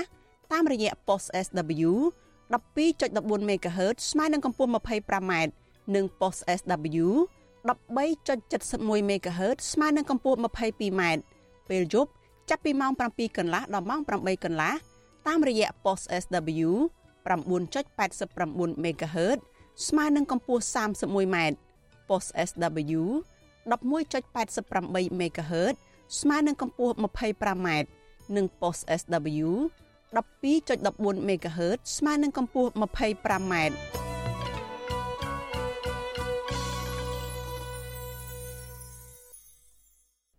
លោកអ្នកនាងកញ្ញាជាទីមេត្រីសេចក្តីរាយការណ៍ពីខេត្តកោះកុងឯណោះឲ្យដឹងថាសកម្មជនដីធ្លីនៅក្នុងខេត្តកោះកុងជាង10នាក់ត្រូវអាជ្ញាធរឃាត់ខ្លួននៅក្នុងពេលដែលពួកគេជិះរថយន្តមករាជធានីភ្នំពេញ ដើម្បីដាក់ញត្តិទៅក្រសួងយុតិធធសូមអន្តរាគមឲ្យទម្លាក់ចោលបទចោទប្រកាន់លើពួកគាត់មន្ត្រីសង្គមស៊ីវិលថានេះគឺជាការរំលោភសិទ្ធិខណៈពលរដ្ឋរងគ្រោះទាំងនោះមានសិទ្ធិស្នើសុំជំនួយ និងការអន្តរាគមផ្លូវច្បាប់ពីរដ្ឋាភិបាលចាលោកជីវតារាយការណ៍ព័ត៌មាននេះអញ្ញាធរខេត្តកោះកុងបានបង្អាក់ដំណើរនិងចាប់ខ្លួនសកម្មជនដីធ្លីចំនួន12នាក់នៅថ្ងៃទី29មិថុនា ខណៈពួកគាត់ធ្វើដំណើរមករាជធានីភ្នំពេញដើម្បីដាក់ញត្តិសុំអន្តរាគមន៍ពីក្រសួងយុតិធធតំណាងសហគមន៍បទុមសាគរខេត្តកោះកុងកញ្ញាជុស្រីនៅ ប្រាប់វិទ្យុអាស៊ីសេរីនៅថ្ងៃទី29មិថុនាថាសមត្ថកិច្ចស្រុកស្រែអំបិលបានស្ទាក់ចាប់ឡានប្រជាសហគមន៍មួយគ្រឿងក្នុងចំណោមឡាន3គ្រឿងដែលដឹកពលរដ្ឋចំនួន17នាក់ក្នុងនោះពលរដ្ឋ12នាក់ត្រូវអាជ្ញាធរឃាត់ខ្លួន ហើយ5នាក់ទៀតបានរត់ភៀសខ្លួនកញ្ញាឲ្យដឹងថាប្រជាសហគមន៍ធ្វើដំណើរមករាជធានីភ្នំពេញនៅពេលនេះដើម្បីដាក់ញត្តិទៅក្រសួងយុតិធធស្នើសុំឲ្យទម្លាក់បទចោទលើតំណាងសហគមន៍តែប៉ុណ្ណោះមិនមែនជាការប្រព្រឹត្តខុសច្បាប់ដែលអាជ្ញាធរត្រូវមកស្ទាក់ចាប់នោះឡើយដោយសារឡានពួកខ្ញុំព្រឹកមិញហ្នឹងចេញមកផុតពីឡានដែរកុំអីហ្នឹងទៅជាប់ជាមួយគ្នាដែរ នគរបាលស្រុកស្រែអំបិលមានគ្នាជាង10នាក់បានស្ទាក់ចាប់តំណាងសហគមន៍ដីធ្លី បង្ខំឲ្យចុះពីលើរថយន្តនិងបានឡោមព័ទ្ធពួកគាត់ដោយមិនបានប្រាប់ពីមូលហេតុនិងបង្ហាញដីកាចាប់ខ្លួននោះទេក្រមពលរដ្ឋបានប្រាប់ពីគោលបំណងនៃការធ្វើដំណើរនោះនិងបានសាកសួរពីហេតុផលនៃការចាប់ខ្លួនរបស់ពួកគាត់ប៉ុន្តែក្រមសមត្ថកិច្ចនៅតែមិនឆ្លើយតបនិងបង្ខំឲ្យពួកគាត់ចូលរថយន្តហើយដឹកចេញទៅ សមត្ថកិច្ចបានសួររកតំណាងសហគមន៍197គ្រួសារគឺលោកស្រីដេតហួរប៉ុន្តែពលរដ្ឋប្រាប់ថាលោកស្រីមិនបានទៅជាមួយពួកគាត់នោះឡើយប្រជាពលរដ្ឋទាំង12នាក់ដែលអាជ្ញាធរចាប់ខ្លួននោះមានម្នាក់ជាក្មេងស្រីអាយុ6ឆ្នាំហើយអាជ្ញាធរបានបញ្ជូនពួកគាត់ទៅស្នងការដ្ឋាននគរបាលស្រុកស្រែអំបិលបើទោះបីជាអាជ្ញាធរបានចាប់ខ្លួនសកម្មជនដីធ្លីទាំង12នាក់នេះក្តី ក៏ប្រជាសហគមន៍ចំនួន26នាក់ទៀតបានធ្វើដំណើរមកដល់រាជធានីភ្នំពេញនិងយកញត្តិទៅដាក់នៅក្រសួងយុតិធធបានដោយជោគជ័យប្រជាសហគមន៍843នៃស្រុកបទុមសាគរខេត្តកោះកុងលោកឈឹមសុផានឲ្យដឹងថាតំណាងពលរដ្ឋ3រូបបានចូលទៅដាក់ញត្តិនៅក្រសួងយុតិធធដោយមានមន្ត្រីចេញមកវាយត្រាទទួលនិងយកលេខទូរស័ព្ទសម្រាប់តាក់ទងលោកបន្តថាការដាក់ញត្តិនៅពេលនេះ គឺដើម្បីសូមកិច្ចអន្តរាគមន៍ពីក្រសួងយុតិធធដោយស្នើឲ្យតុលាការខេត្តកោះកុងទម្លាក់បទចោទលើតំណាងសហគមន៍ចំនួន30រូបដែលរងការចោទប្រកាន់ច្រើនបទចោទកន្លងមកនេះ។ ហើយគាត់មានត្រឹមតែខាត់ខាត់ខាត់ចឹងណាគាត់ដំណើររបស់យើងនឹងឲ្យគាត់យើងនិយាយជជែកគាត់បញ្យលគាត់ចឹងគាត់ឲ្យមកភ្នំពេញចឹងវិញដដែលហ្នឹងណាប៉ុន្តែលើកនេះអត់ឃើញថាឲ្យមកឲ្យអីចឹងប៉ុន្តែមានមូលហេតុអីយើងអត់ដឹងឡើយមូលហេតុច្បាស់លាស់ចឹងណាបើយើងមើលដល់ផ្លូវច្បាប់ដោយមានខុសអីទេតែគាត់មិនដឹងថាកិច្ចការគាត់ជជែកគ្នាយ៉ាងម៉េចយើងអត់ដឹងសាច់រឿងវិទ្យុអាស៊ីសេរីមិនអាចតាក់ទងអធិការនគរបាលស្រុកស្រែអំបិលលោកហ៊ុននុននិងអភិបាលខេត្តកោះកុងអ្នកស្រីមិថុនាភូថង ដើម្បីសូមការបកស្រាយបានទេ នៅថ្ងៃទី29មិថុនាជុំវិញរឿងនេះមន្ត្រីសម្របសម្រួលសមាគមអាត6ប្រចាំខេត្តកោះកុងលោកង៉ែតស៊ីណាប់ចាត់ទុកការខាត់ខ្លួនតំណាងសហគមន៍ដីធ្លីនេះគឺជាការបិទសិទ្ធិសេរីភាពក្នុងការទាមទាររកយុត្តិធម៌ក្នុងនាមជាជនរងគ្រោះលោកបន្តថាការធ្វើទុកបុកម្នេញលើប្រជាពលរដ្ឋដែលរងគ្រោះដីធ្លីគឺជាការបន្ថែមនៅភាពឈឺចាប់លើភាពអយុត្តិធម៌មួយកម្រិតទៀត ខណៈដែលដីធ្លីនិងផ្ទះសម្បែងរបស់ពួកគេត្រូវបាត់បង់ពួកគាត់គឺជាអ្នករងគ្រោះប្រជាពលរដ្ឋទោះបីជាគាត់មានការខុសត្រូវយ៉ាងណាគាត់រត់ទៅរកម៉ែឪរដ្ឋបាលខេត្តឬក៏រាជរដ្ឋាភិបាលនៅកន្លែងផ្សេងផ្សេងតែបែរជាការធ្វើឲ្យមានការចាប់ឬក៏ខាត់គាត់អញ្ចឹងគឺជាការរដ្ឋបិទនិងធ្វើឲ្យគាត់មានការលំបាកហើយវាទៅតាក់ទងនឹងសេរីភាពមូលដ្ឋានហ្នឹងគឺការរដ្ឋបិទសេរីភាពមូលដ្ឋាន វិវាទដីធ្លីរវាងប្រជាពលរដ្ឋជាមួយក្រុមហ៊ុនរបស់លោកអុកញ៉ាលីយ៉ុងផាត់និងក្រុមហ៊ុនចិន UDG បានអូសបន្លាយអស់រយៈពេលជាង10ឆ្នាំមកហើយវិវាទដ៏រ៉ាំរ៉ៃនេះបានបណ្ដាលឲ្យប្រជាពលរដ្ឋដែលបាត់បង់ដីធ្លីធ្លាក់ខ្លួនក្រីក្របែកបាក់គ្រួសារធ្លាក់ខ្លួនឈឺក្នុងនោះពលរដ្ឋម្នាក់បានស្លាប់ក្នុងអំឡុងតវ៉ានៅមុខសាលាខេត្តកោះកុងកាលពីថ្ងៃទី15មីនាកន្លងទៅ ប្រជាពលរដ្ឋដែលចេញតវ៉ាដោយសន្តិវិធីនិងតស៊ូមតិទាំងនេះបង្ហាញក្តីឈឺចាប់ថាពួកគាត់មិនត្រឹមតែបាត់បង់ទ្រព្យសម្បត្តិរបស់ខ្លួនប៉ុណ្ណោះទេប៉ុន្តែថែមទាំងកំពុងប្រឈមនឹងបទចោទផ្សេងផ្សេងពីតុលាការដែលលំអៀងទៅក្រុមហ៊ុនទៀតផង លើសពីនេះអាជ្ញាធរមូលដ្ឋានក៏តាមធ្វើទុកបុកម្នេញបិទសិទ្ធិសេរីភាពមិនឲ្យសម្ដែងមតិទៀតផងតំណាងសហគមន៍ដីធ្លីខេត្តកោះកុង អំពីវនីវដល់លោកនាយករដ្ឋមន្ត្រីហ៊ុនសែនឲ្យជួយដោះស្រាយវិវាទដីធ្លីរបស់ពួកគាត់មួយនេះដោយសូមឲ្យលោកគោរពតាមពាក្យសម្ដីដែលលោកធ្លាប់ប្រកាសថាមិនត្រូវមាននរណាម្នាក់ជាប់ឃុំឬជាប់ពន្ធនាគារដោយសារវិវាទដីធ្លីនោះឡើយទោះជាយ៉ាងណាពលរដ្ឋឲ្យដឹងថាមកដល់ម៉ោង7យប់ថ្ងៃប្រហ័សទី29មិថុនានេះ អាជ្ញាធរនៅមិនទាន់ដោះលែងតំណាងពលរដ្ឋដែលពួកគេបានចាប់ក្នុងពេលធ្វើដំណើរសម្ដៅទៅទីក្រុងភ្នំពេញនោះនៅឡើយទេ ប្រជាសហគមន៍ខេត្តកោះកុងទាមទារឲ្យអាជ្ញាធរដោះលែងអ្នកទាំងនោះវិញ បើពុំនោះទេ ពួកគាត់នឹងចេញតវ៉ាបន្តទៀតខ្ញុំជីវិតាអាស៊ីសេរី លោកអ្នកនាងជាទីមេត្រីប្រជាសហគមន៍នៅក្នុងខេត្តកោះកុងឲ្យដឹងថាតំណាងសហគមន៍ដីធ្លីនៅក្នុងខេត្តនេះត្រូវបានអាជ្ញាធរបញ្ជូនទៅស្នងការដ្ឋាននគរបាលខេត្តកោះកុងហើយកាលពីយប់ថ្ងៃទី29ខែមិថុនាម្សិលមិញបន្ទាប់ពីសមត្ថកិច្ចនៅក្នុងស្រុកស្រែអំបិលចាប់ខ្លួននៅពេលពួកគាត់ធ្វើដំណើរទៅភ្នំពេញដើម្បីដាក់ញត្តិទៅក្រសួងយុតិធធដោយស្នើឲ្យទម្លាក់បទចោទលើតំណាងសហគមន៍ចំនួន30នាក់ ពលរដ្ឋដែលអាជ្ញាធរចាប់ខ្លួនមានចំនួន12នាក់រួមមានតំណាងសហគមន៍ដីធ្លី197គ្រួសារនៅក្នុងខេត្តកោះកុងលោកស្រីដេតហួរតំណាងសហគមន៍អ្នកស្រីផៅញើង ជាដើមក្នុងនោះក៏មានក្មេងស្រីអាយុ6ឆ្នាំផងដែរ thank you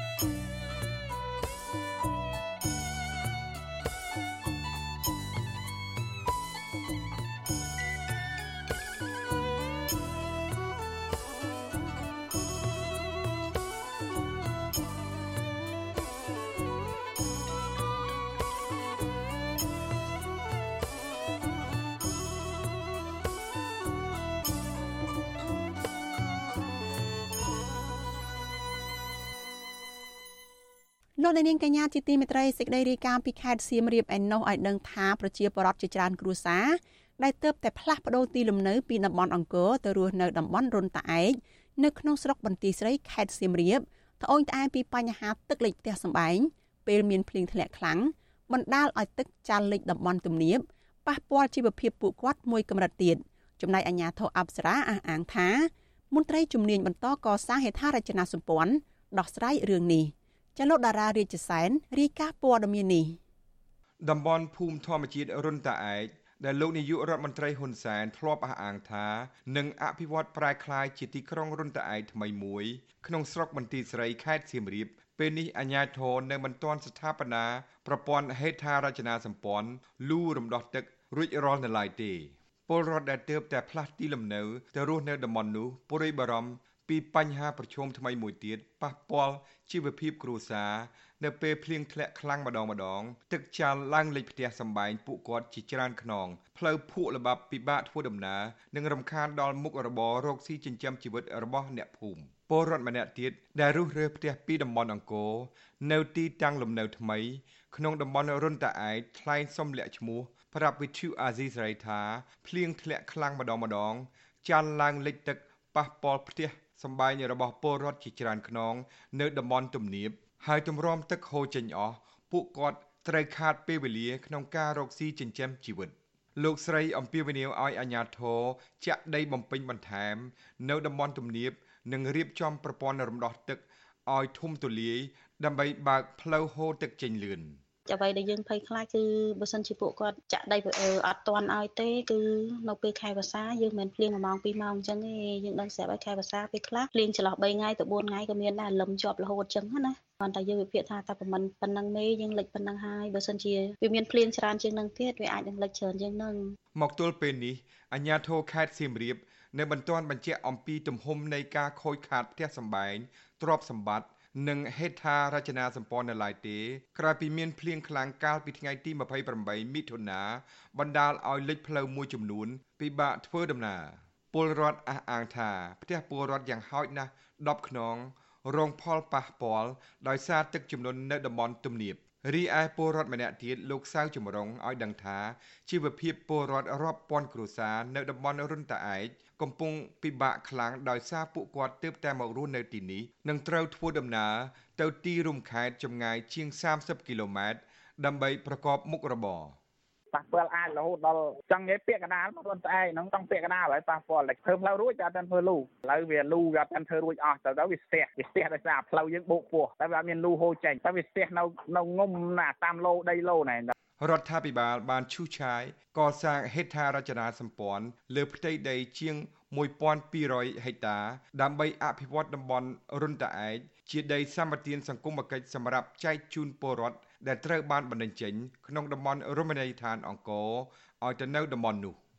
មកទល់ពេលនេះមានពលរដ្ឋជាច្រើនពាន់គ្រួសារបានសាងសង់ទីលំនៅនៅតំបន់រុនតាឯកហើយក៏មានពលរដ្ឋខ្លះទៀតមិនទាន់មានលទ្ធភាពសាងសង់លំនៅឋានដោយខ្លួនឯងនៅឡើយទេ កាលពីឆ្នាំ2022រដ្ឋមន្ត្រីក្រសួងរៀបចំដែនដីលោកជាសភារាអះអាងថា មានសំណងខុសច្បាប់ជាង8000ករណី ក្នុងតំបន់ឧទ្យានអង្គរចន្លោះឆ្នាំ2019ដល់ឆ្នាំ2022លោកហៅសំណងទាំងនោះថាជាសំណងខុសច្បាប់ដែលគួរឲ្យខ្មាស់អៀនឆ្លើយតបនឹងការលើកឡើងនេះអ្នកនាំពាក្យអាជ្ញាធរអប្សរាលោកឡុងកុសល មានប្រសាសន៍ថាអាជ្ញាធរបន្តរៀបចំកសាងហេដ្ឋារចនាសម្ព័ន្ធនៅតំបន់រុនតាឯក ដើម្បីឲ្យពលរដ្ឋរស់នៅមានលក្ខណៈងាយស្រួលក៏ប៉ុន្តែនៅមានចំណុចខ្វះខាតតិចតួច ដែលកំពុងកែលម្អវាមកខ្លាំងពេកទៅវាហូរវាមិនតាន់អាហ្នឹងវាមិនមែនឲ្យទឹកចំនួនណាដល់ពេលវាហូរទៅអស់ទៅវាទៅបាត់ទៅអស់ទៅអញ្ចឹងណាឥឡូវមានទឹកដក់ឯណាទាំងទៀតអត់ទេជុំវិញរឿងនេះអ្នកសម្របសម្រួលគម្រោងធុរកិច្ចនិងសិទ្ធិមនុស្សរបស់មជ្ឈមណ្ឌលសិទ្ធិមនុស្សកម្ពុជា លោកវ៉ាន់សផាតយល់ថាអញ្ញាធរគួរតែរៀបចំប្រព័ន្ធ លូរំដោះទឹក និងកសាងហេដ្ឋារចនាសម្ព័ន្ធជូនពលរដ្ឋឲ្យរួចស្រេចសិនមុនឲ្យពួកគាត់ផ្លាស់ទីលំនៅទៅទីកន្លែងថ្មី។ ហ្នឹងជាបញ្ហាមួយអាជ្ញាធរហ្នឹងគួរតែផ្ដល់អតិភិបហើយត្រូវធ្វើឲ្យបានលឿនបំផុតពីព្រោះថាឥឡូវនេះទៅមកចាប់ផ្ដើមទេខែវស្សាបន្តិចទៀតទៅវាថានឹងមានភ្លៀងមេធំធំជាងហ្នឹងទៅវាបណ្ដាលឲ្យលិចលង់ជាងហ្នឹងទៅទៀតហើយអាហ្នឹងវាធ្វើឲ្យជីវភាពជីវរដ្ឋហ្នឹងកាន់តែធ្លាក់ចុះទៅណាកាលពីចុងខែមីនាឆ្នាំ2023កន្លងទៅអង្គការលើកលែងទោសអន្តរជាតិ Amnesty International បានចេញសេចក្តីថ្លែងការណ៍មួយ បង្ហាញថាមនុស្សជាច្រើនដែលរស់នៅជុំវិញតំបន់អង្គរត្រូវបានបង្ខិតបង្ខំឲ្យផ្លាស់ទីលំនៅទៅរស់នៅតំបន់រុនតាឯកខ្វះខាតហេដ្ឋារចនាសម្ព័ន្ធនិងទឹកស្អាតស្ថាប័នអន្តរជាតិមួយរកឃើញថាមនុស្សជាច្រើនត្រូវបានបង្ខំឲ្យចាកចេញដោយស្ម័គ្រចិត្តនិងធ្វើឲ្យអារម្មណ៍របស់ពួកគាត់ភ័យខ្លាចប្រសិនបើពួកគាត់ជំទាស់មិនព្រមចាកចេញខ្ញុំបាទដារ៉ារាជសែន With you Azisari ទីក្រុង Adelaide លោកអ្នកនាងកញ្ញាជាទីមេត្រីចានៅឯខេត្តបាត់ដំបងវិញម្ដងចាប់ប្រជាពលរដ្ឋរស់នៅឃុំតាតោកស្រុកសំឡូតខេត្តបាត់ដំបងមួយចំនួនគ្មានទីជម្រកក្រោយពីអាជ្ញាធរបានឈូសឆាយផ្ទះសម្បែងពួកគាត់មន្ត្រីអង្គការសង្គមស៊ីវិលថាអាជ្ញាធរគួរតែដោះស្រាយបញ្ហានេះដោយសន្តិវិធី និងប្រកបដោយមនុស្សធម៌ប្រសើរជាងការបណ្តេញចេញដោយបង្ខំនិងការរារាំងពលរដ្ឋមិនឲ្យប្រមូលទ្រព្យសម្បត្តិឯកជនរបស់ពួកគេ ពីរដ្ឋធានី Washington អ្នកស្រីម៉ៅសុធានីរាយការណ៍ព័ត៌មាននេះបរដ្ឋជាង200គ្រួសារនៅស្រុកសំឡូតខេត្តបាត់ដំបង កំពុងរស់នៅគ្មានទីជម្រកក្រោយពីអាជ្ញាធរបានឈូសឆាយផ្ទះសម្បែងរបស់ពួកគេអស់កាលពីថ្ងៃទី28ខែមិថុនាបរដ្ឋមួយចំនួន បង្ខំចិត្តក្រាលកន្ទេលដេកតាមចិញ្ចើមផ្លូវដុតភ្លើងដេញមូសហាទឹកសន្សើមខាងមុខផ្លូវចូលក្រុមហ៊ុនរដ្ឋសម្បត្តិ ក្រោមស្លាកការពិវត្តជឿនលឿនរបស់លោកនាយករដ្ឋមន្ត្រីហ៊ុនសែនបរដ្ឋមួយចំនួនអះអាងថារហូតដល់កណ្ដាលថ្ងៃត្រង់កាលពីថ្ងៃទី29ខែមិថុនាពួកគាត់នៅមិនទាន់បានបាយចូលពោះមួយគ្រាប់នោះឡើយស្របពេលដែលគ្មានលុយកាក់សំបីតែមួយរៀលសម្រាប់ទិញរបស់ហូបអ្នកខ្លះទៀតដែលអត់ទ្រាំនឹងការស្រែកឃ្លាន ក៏ដាច់ចិត្តលើកដៃសំពះអ្នកជិះម៉ូតូតាមផ្លូវដើម្បីបានប្រកាសខ្លះធ្វើសហុយហើយនឹងទិញបាយទឹកឲ្យកូនចៅតូចតូចខណៈដែលក្មេងតូចតូចទាំងនោះ នៅហាលវាហាក្តៅជាមួយឪពុកម្ដាយលើគោយន្តដឹកទំនិញពួកគាត់ឲ្យដឹងដែរថាបានបាត់បង់របស់ប្រើប្រាស់និងសត្វចិញ្ចឹមមួយចំនួនដោយសារតែអាជ្ញាធរមិនអនុញ្ញាតឲ្យពួកគាត់ចូលទៅប្រមូលនោះឡើយដោយបានបិទបញ្ចប់ ត្រឹមម៉ោង6ល្ងាចកាលពីថ្ងៃទី28ខែមិថុនាអាជ្ញាធរបានពង្រាយគ្នាជាច្រើនអ្នកនៅតាមផ្លូវចូលក្រុមហ៊ុនរដ្ឋសម្បត្តិដើម្បីហាមបរដ្ឋមិនឲ្យចូលទៅលំនៅឋានរបស់ពួកគាត់បរដ្ឋម្នាក់រស់នៅឃុំតាតោកលោកយឹមផល ប្រាប់វិជ្ជាស៊ីស្រីថាគាត់ក្រាកន្ទេសម្រាប់ជាមួយប្រពន្ធនិងកូន តាមចិញ្ចើមផ្លូវគ្មានដំបូលនោះឡើយកាលពីយប់ថ្ងៃទី28ខែមិថុនា លោកបន្តថាពេលនេះគាត់កំពុងតែដាច់ទឹកដាច់បាយព្រោះអស់អង្គគ្មានអ្វីដាំស្លហូបនោះឡើយដោយសារតែអាជ្ញាធរមិនអនុញ្ញាតឲ្យបានចូលទៅប្រមូលរបស់របរដែលនៅសេសសល់លោកបន្តទៀតថាគាត់មិនមានកន្លែងស្នាក់នៅ ហើយក៏កំពុងតែសំដីអ្នកភូមិស្នាក់នៅជាបណ្ដោះអាសន្ន នេះខ្ញុំសំដីគេនៅក្នុងព្រៃជែកគេបងមកប្រហែលជា20គ្រួសារព្រៃជែកព្រៃក្នុងស្បោហើយស្វាយការចន្ទទីគេហ្នឹងបងសុំគេខ្លះដាច់បាយដាច់ទឹកមុខខ្មៅប៉ែហ្នឹងឯងបងអើយអត់មានអីហូបទេ20គ្រួសារនឹងសិតតែនេះអត់ដីនៅពិតប្រកបទេបងស្រដៀងគ្នានេះបរដ្ឋម្នាក់ទៀតគឺលោកត្រីខាត់ចាប់ថ្លែងថាទ្រព្យសម្បត្តិរបស់ពួកគាត់ដែលនៅសេសសល់มันអាចប្រមូលចេញពីផ្ទះបានដោយសារតែអាជ្ញាធរមិនអនុញ្ញាតឲ្យចូលទៅយកវិញនោះឡើយ លោកស្រីបន្ថែមថាមកដល់ពេលនេះគាត់មិនមានផ្ទះសម្រាប់ជ្រកកោននោះឡើយឯងមើលមកឈូសឆាយឈូសអីអស់តិចទីអស់ហើយឲ្យខ្ញុំថតអីអត់ឲ្យថតអីចាប់យកទូរស័ព្ទហើយគាត់ព័ត៌មានខ្លួនឯងថាថាពួកខ្ញុំហ្នឹងដេញកាប់ដេញអីគាត់ព័ត៌មានខ្លួនឯងថាខ្លួនឯងលោកពូឯងមើលហើយឲ្យខ្ញុំឈូសឆាយឲ្យយកយកយកប៉ាំងអស័យយកអីអីអីហ្នឹងអត់ឲ្យខ្ញុំយកទាំងអស់ គាត់ឈូសឆាយចោលខ្ញុំអស់ឆ្នាំងចានក៏មិនអោយយកកតេលមុងក៏មិនអោយយកមន់ទាក៏មិនអោយចាប់អោយអីអស់ក៏ថាហ៊ានចាប់ដាក់ខ្នោះវិទ្យុអសីស្រីនៅបំតាន់អតតងអភិបាលស្រុកសំឡូតលោកសៅសាមេត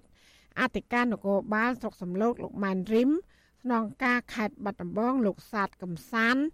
និងអភិបាលខេត្តបាត់ដំបងលោកសុកលូដើម្បីសុំការអធិប្បាយអំពីរឿងនេះបានទេ នៅថ្ងៃទី29ខែមិថុនា ដោយឡែកមេឃុំតាតោកស្រុកសំឡូតលោកអ៊ុនខេមថ្លែងថាគាត់មិនបានគិតដល់កន្លែងស្នាក់នៅបណ្ដោះអាសន្នសម្រាប់បរដ្ឋជាង220គ្រួសារនោះឡើយពីព្រោះថាផ្ទះរបស់លោកនៅឆ្ងាយពីទីនោះហើយលោកក៏មិនធ្លាប់ទៅទីតាំងនៅតំបន់នោះនិងពុំធ្លាប់មានតំណែងតំណងជាមួយពួកគេនោះឡើយ។ អាហ្នឹងគាត់បដូវគេឲ្យទៅតាមផ្ទះតាមដីតាមព្រីរបស់គាត់រៀងរៀងខ្លួនហ្នឹងទៅតាមមើលរបស់ខ្ញុំអត់វាផុតពីការខ្ញុំដោះស្រាយរឿងហ្នឹងខ្ញុំអត់ទៅដឹងដែរហ្នឹងខាងលើវិញទេខាងតុលាការខាងអីនេះបានគេយល់ជឿជាពីបញ្ហាហ្នឹងប្រជាជនក៏មិនមែនជាអ្នកនៅខាងខ្ញុំដែរប្រជាជននៅខាងខ្ញុំតិចតួចគាត់ទៅនៅតាមផ្ទះតាមសបែងគាត់អញ្ចឹងទៅដោយបុណ្យ10ពូសាអញ្ចឹងទៅ ទោះជាយ៉ាងណាអ្នកសម្របសម្រួលផ្នែកខ្លំមើលការរំលោភសិទ្ធិមនុស្សនៃអង្គការលីកាដូខេត្តបាត់ដំបងលោកអិនគង្ជិតថ្លែងថាប្រតិបត្តិការវាយកំទេចផ្ទះពលរដ្ឋនិងការបណ្ដឹងចេញដោយបង្ខំហើយមិនទុកពេលសំរុំអបរដ្ឋសម្រាប់ប្រមូលសម្ភារៈរបស់ពួកគេនោះគឺជាការរំលោភសិទ្ធិធ្ងន់ធ្ងរនិងអមនុស្សធម៌ ក្នុងនាមអង្គការសង្គមស៊ីវិលយើងខ្ញុំអំពាវនាវឲ្យអាជ្ញាធរគិតគូរទៅលើមនុស្សធម៌អំពើមនុស្សធម៌ដែលជួយបង្កលក្ខណៈឬអនុគ្រោះឲ្យគាត់បាននៅជាបដិអាសន្នយើងគិតថាកន្លងមកយើងឃើញអាជ្ញាធរមានសកម្មភាពល្អដូចជាចែកជំនួយចែកអំណោយដល់ជនក្រីក្រនៅតាមភូមិអ្នកពិការស្ត្រីទុរគតជនពិការមនុស្សចាស់ជរាអ្នកជំងឺអីហ្នឹងគឺឃើញមានទឹកចិត្តល្អក្នុងការឧបត្ថម្ភហើយដល់ប្រជាពលរដ្ឋក្នុងភូមិចុះចំណែកពួកគាត់ដែលពួកគាត់អស់ផ្ទះសម្បែងហើយអស់ទីជំរកអស់ទីជំរកហើយអស់កន្លែងស្នាក់នៅហើយគ្រាន់តែបង្កលក្ខណៈឬក៏សម្រួលឬក៏រោគទីកន្លែងសមរម្យណាមួយដើម្បីឲ្យពួកគាត់បានស្នាក់នៅបដោះអាសន្នអាញាធរស្រុកសំឡូតខេត្តបាត់ដំបងកាលពីថ្ងៃទី28ខែមិថុនាកន្លងទៅនេះបានប្រើប្រាស់គ្រឿងចាក់ឈូសឆាយផ្ទះពលរដ្ឋអស់ជាច្រើនរយគ្រួសារក្រោមហេតុផលថាពលរដ្ឋទាំងនោះ បានមកសង់ផ្ទះរំលោភលើដីរបស់ក្រសួងកសិកម្មហើយបានហាមឃាត់បណ្ដោយបរដ្ឋចូលទៅប្រមូលយកទ្រព្យសម្បត្តិនិងសត្វចិញ្ចឹមរបស់ពួកគេចេញនោះឡើយមន្ត្រីសង្គមស៊ីវិលថាទង្វើរបស់អាជ្ញាធរនេះគឺជារឿងអមនុស្សធម៌និងរំលោភសិទ្ធិមនុស្សធ្ងន់ធ្ងរសង្គមស៊ីវិលក៏អំពាវនាវអាជ្ញាធរស្វែងរកទីតាំងឲ្យបរដ្ឋស្នាក់នៅជាបណ្ដោះអាសន្ន និងទុកពេលអបរដ្ឋបានសម្រុំដើម្បីឲ្យពួកគេប្រមូលយកទ្រព្យសម្បត្តិហើយនឹងសត្វចិញ្ចឹមរបស់ពួកគេចាននាងខ្ញុំម៉ៃសុធានីវិទ្យុអសីស្រីប្រធានាធិបតី Washington លោកអ្នកនាងកញ្ញាប្រិយមិត្តជាទីមេត្រីការផ្សាយរបស់វិទ្យុអាស៊ីសេរីនៅព្រឹកនេះចប់ត្រឹមតែប៉ុណ្ណេះនាងខ្ញុំសុជីវីព្រមទាំងក្រុមការងារទាំងអស់នៃវិទ្យុអាស៊ីសេរីចាសសូមជូនពរដល់លោកអ្នកនាងកញ្ញានិងក្រុមគ្រួសារទាំងអស់សូមប្រកបតែនឹងសេចក្តីសុខ ចាសសុខភាពល្អកុំបីឃ្លៀងឃ្លាតឡើយនាងខ្ញុំសូមអរគុណនិងសូមជម្រាបលា